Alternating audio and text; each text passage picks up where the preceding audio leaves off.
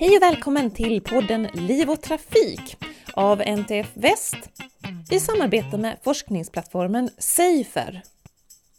Jag heter Natalia Tjako och det här är den fjärde delen i vår serie om trafiksäkerhet och de globala målen. Idag ska vi prata om de stora multinationella företagens ansvar för att minska dödsolyckorna i trafiken. Idag finns det ju storföretag med ekonomier större än enskilda länders BNP och många företag har produktion och transport som rör sig över flera landsgränser. Många företag tar idag också ansvar för att se till att hela deras kedja från råmaterial till kund är hållbar och etisk. Men hur ser det ut med trafiksäkerheten i den kedjan? Vilket ansvar tar egentligen företag för dödsolyckor och trafikskador som sker under deras transporter? Vi säger hej igen till Claes Tingvall, ordförande för FNs expertgrupp på trafiksäkerhet, som just nu också håller på att utveckla en metod för företag att mäta det här. Och han förklarar varför det är så viktigt att företagen tar sitt ansvar. Deras del av samhället är väldigt, väldigt stor och det gör ju också att deras påverkan när det gäller miljö, när det gäller eh, rättvisefrågor, när det gäller eh, ja, säkerhet och så vidare, är väldigt, väldigt stor. Det går inte att komma ifrån. Då heter det ju för liksom att nej, men ett företag följer lagar och regler och ska inte tänka på något annat. Så att säga. Eh, om det är tillåtet att använda barnarbetare någonstans så är det inget som hindrar företaget att göra det. Det där visar sig så småningom inte vara en särskilt lysande idé därför att vi har inte lagar och regler för allting här i världen och framförallt inte i de länder där vi kanske har väldigt allvarliga problem av något slag. Utan då blev det viktiga blev ju helt enkelt egentligen finansmarknaden. Det är ju alla våra pensionspengar, det är alla, där man placerar då alla tillgångar som vi ska använda sen då. Den är, tittar ju alltid på vad får du ut mest av ditt kapital så att säga, långsiktigt då. Och då har man ju liksom hittat att nej, men de företag som inte verkar bry sig om samhället, de som säger vi skiter väl i klimatet eller vi, vi, vi använder väl barnarbete där det lönar sig för oss och våra och så vidare. Det funkar inte. Det är därför alla företag idag liksom försöker åtminstone uttrycka sig anständigt. Och sen kanske man inte riktigt är framme i alla frågor. Det är när då trafiksäkerhet också blir en del av vad finansmarknaden förväntar sig när det gäller att ett företag verkligen eh, bryr sig. Om du, om du tittar på det dör en och en halv miljon människor nästan i trafiken varje år. De blir dödade av alla våra aktiviteter i samhället. Det är alltid ett fordon inblandat till exempel. Det är ju själva definitionen, fordon i rörelse. Alltså har det något att göra med de som tillverkar och saluför de här fordonen. Väldigt många har att göra med, särskilt i fattigare länder, har att göra med att det är organiserad trafik. Och även i Sverige, alltså väldigt mycket av de dödsfall vi har, har att göra med fordon som är ute i tjänst att säga, av olika slag. Bussar, lastbilar, eh, hantverkarbilar, vad du vill. Va?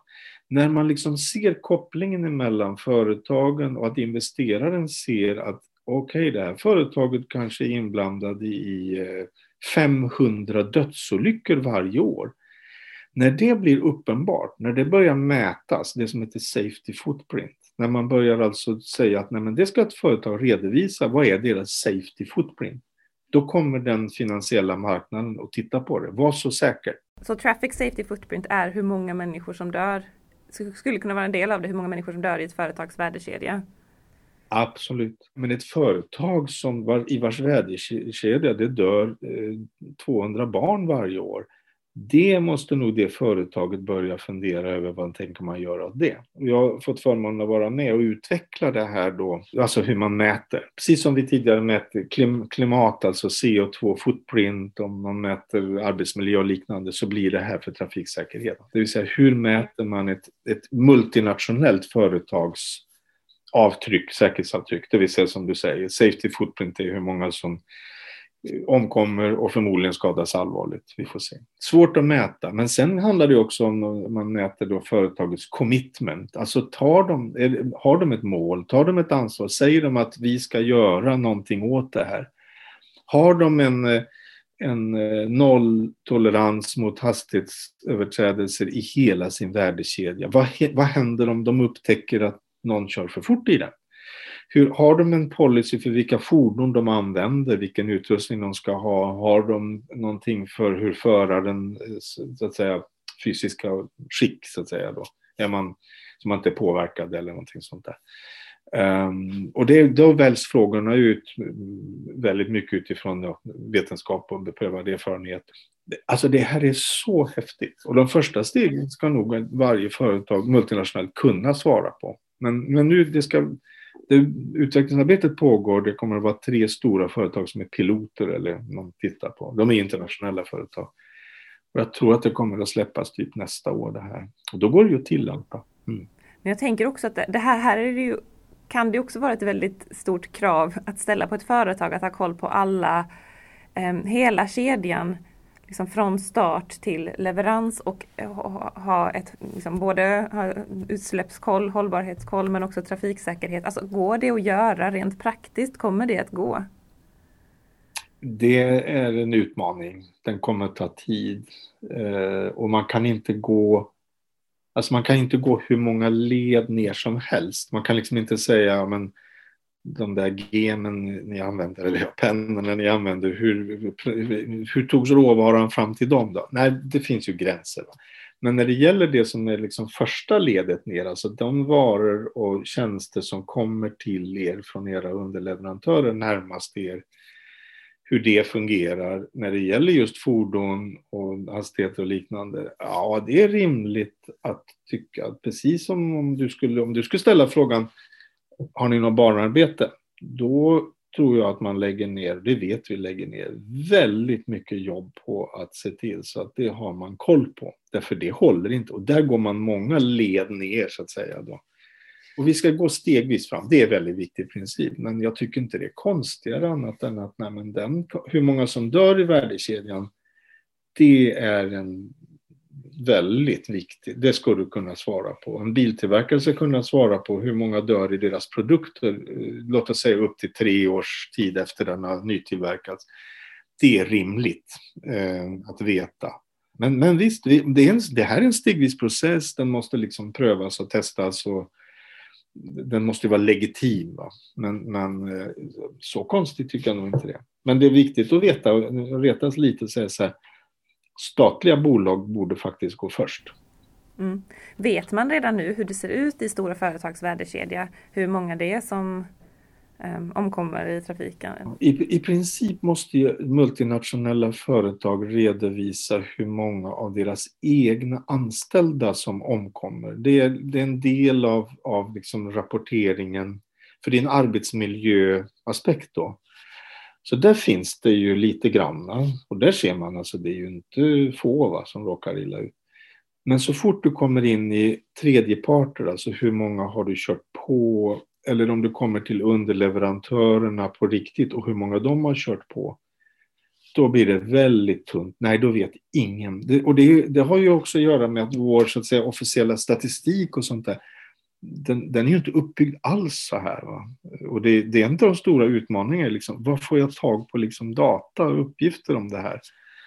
Det sitter vi med just nu och försöker att, att eh, reda ut. Och det, är, det är ett pussel man får lägga. Och det har, det har ingen lagt. Så att det är ju, man kan ju inte säga att nej men, åh vad dåligt att man inte har koll. För det har inte liksom funkat så.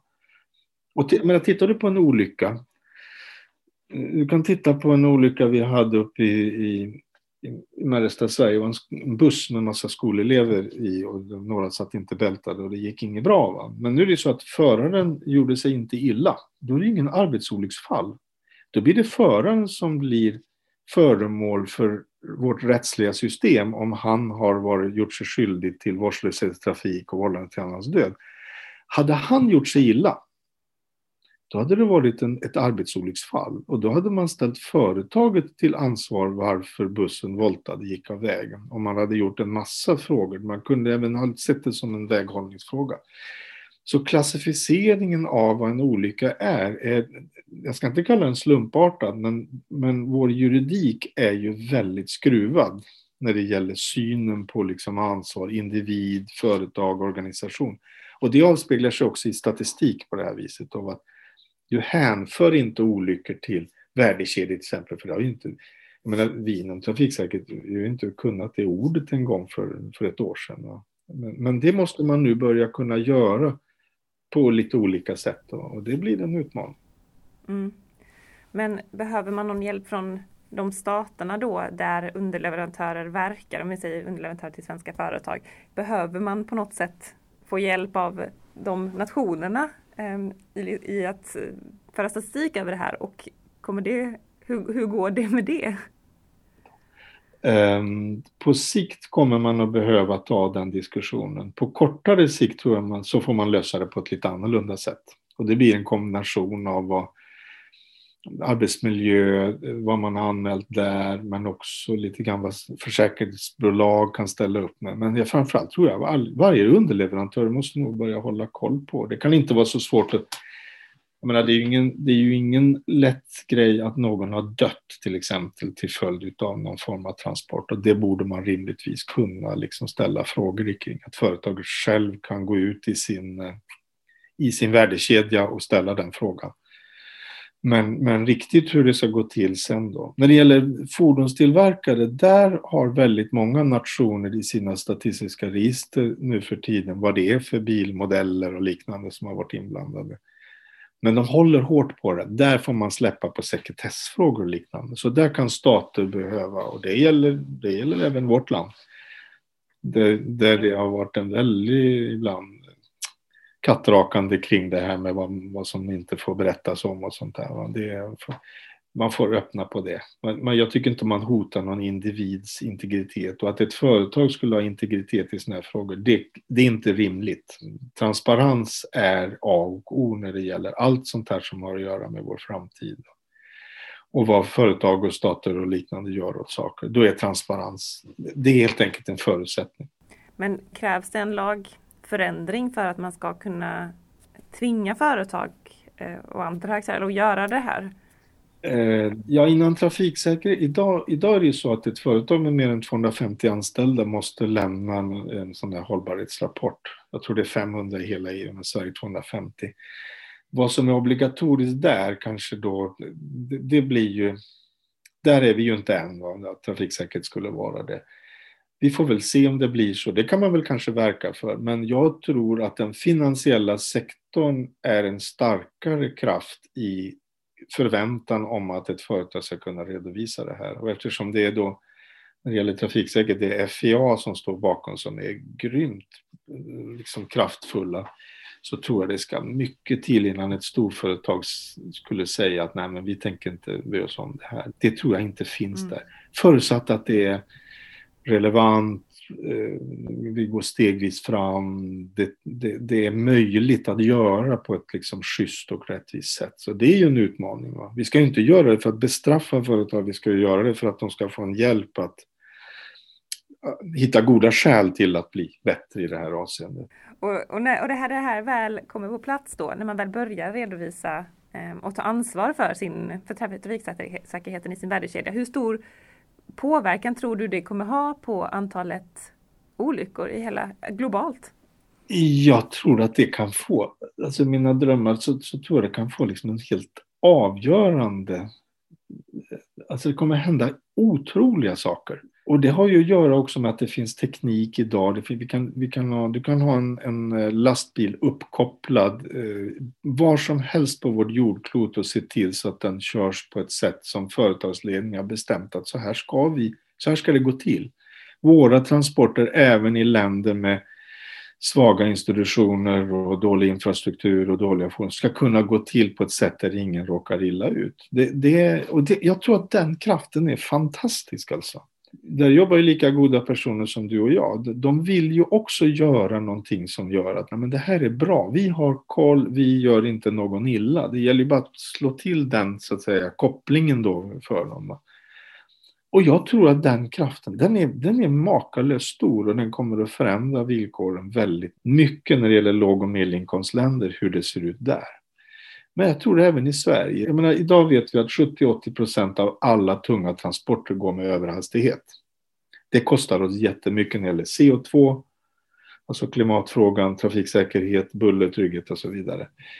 Det kan inte vara långt borta när storföretagen och statliga bolag säger att nu är det slut med det här. Det ingår i att vi måste redovisa att vi har gjort upp med den här frågan. Vi skapar normen. Därför att en enskild lastbilsförare kan inte ändra den normen. Men när de stora börjar säga att det är så här det går till, så skapar ju det en trygghet för varje förare där ute att börja och följa det man ska göra. Ehm, det kan ändra sig väldigt fort. Om det kopplas med rätt saker så, så går det fort. Och med den teknologi vi har idag, ja, men det kan gå jättefort. Men det kräver återigen, det är på all, de allra kraftfullaste som måste in. När ett storföretag som verkar i Sverige säger nu agerar vi så här och dessutom får ögonen på sig, för det kommer de ju få. Då ska du få se på gnistor. Och med de orden sätter vi punkt och säger tack till Claes Tingvall. Och flera avsnitt hittar du på livotrafikpodden.se eller på Spotify där du bara söker efter liv och trafik. Och vi hörs igen om två veckor.